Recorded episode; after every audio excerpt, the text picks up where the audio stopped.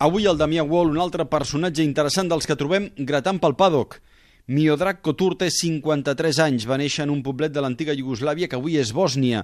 Als 7 anys va emigrar a França. La seva vitrina és plena de trofeus del Dakar, de les 24 hores d'alemans, de la Fórmula 1 i de Moto3. A la categoria petita del motociclisme hi va arribar l'any passat i va ser arribar i moldre. Miodrag, allà on vas sempre guanyes?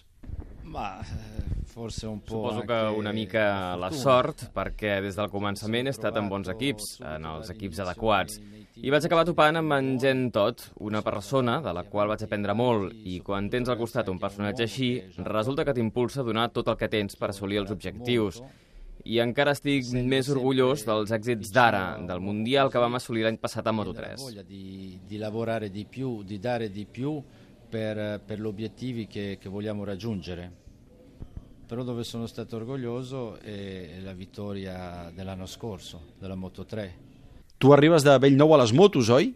No, non conoscevo niente, non, non No neanche sabia res de motos, no tinc ni carnet de moto. M'agraden les curses, seguia la MotoGP i no tant la Moto3. Però veia que la Moto3 és una categoria molt interessant i competida. Quan vaig deixar la Fórmula 1 amb Ferrari, vaig conèixer el propietari de Leopard, Flavio Becca, i em vaig proposar organitzar aquest equip i començar de zero amb l'antic equip Kiefer, que eren els últims de la graella. il titolare della, della Leopard, diciamo, e mi ha proposto di eh, organizzare questo, questo team e di partire da nulla con eh, team, vecchio team Kiefer che, che erano ultimi gli anni passati e abbiamo Vam lavorato treballar molt i vam tenir la sort de tenir un pilot com Danny Kent que s'ho va creure. Tots ens ho vam creure. Crec que la meva aportació és aconseguir que tots treballéssim veritablement com un equip. No és fàcil guanyar un Mundial. Questa volontà diciamo, di, di- di- di fare lavorare tutti insieme non è facile vincere un mondiale. El primer secret és l'organització? Moto 3 No crec que la Moto3 sigui desorganitzada, però sí que és cert que en general als equips els cal un mètode de treball de més voluntat, perquè cal demanar als pilots i als mecànics de treballar al 110%, que és el que fa la diferència. eh, al pilota e, e ai meccanici di, di- di- di dare il 110% di, di- di loro che fa la differenza alla fine. Els diners no són fonamentals? Soldi Òbviament deve has de tenir un pressupost adequat per tenir el millor material, per però els diners no fan la diferència sempre. Això també es veu a la Fórmula 1. Equips amb molt de pressupost tenen problemes. Equips com Red Bull o Ferrari no tenen un pressupost menor que Mercedes. Per tant, no és només cosa de diners. eh, faticano, non credo che la Red Bull o la Ferrari ha un budget minore della Mercedes oggi, quindi non sono i sol- solo i soldi. Em sembla que és la vegada a la teva carrera que treballes amb pilots tan joves. Com és l'experiència?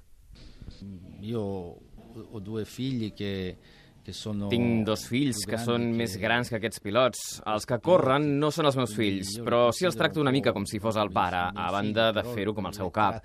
Són pilots joves que intentem que no madurin massa de pressa per poder-los aconsellar millor. come da capo perché, perché sono, sono ragazzi giovani che, che non devono essere inquinati, nel senso si, si può ancora dargli dei consigli che loro ascolteranno, che lo- invece quando un pilota è molto maturo è molto più difficile.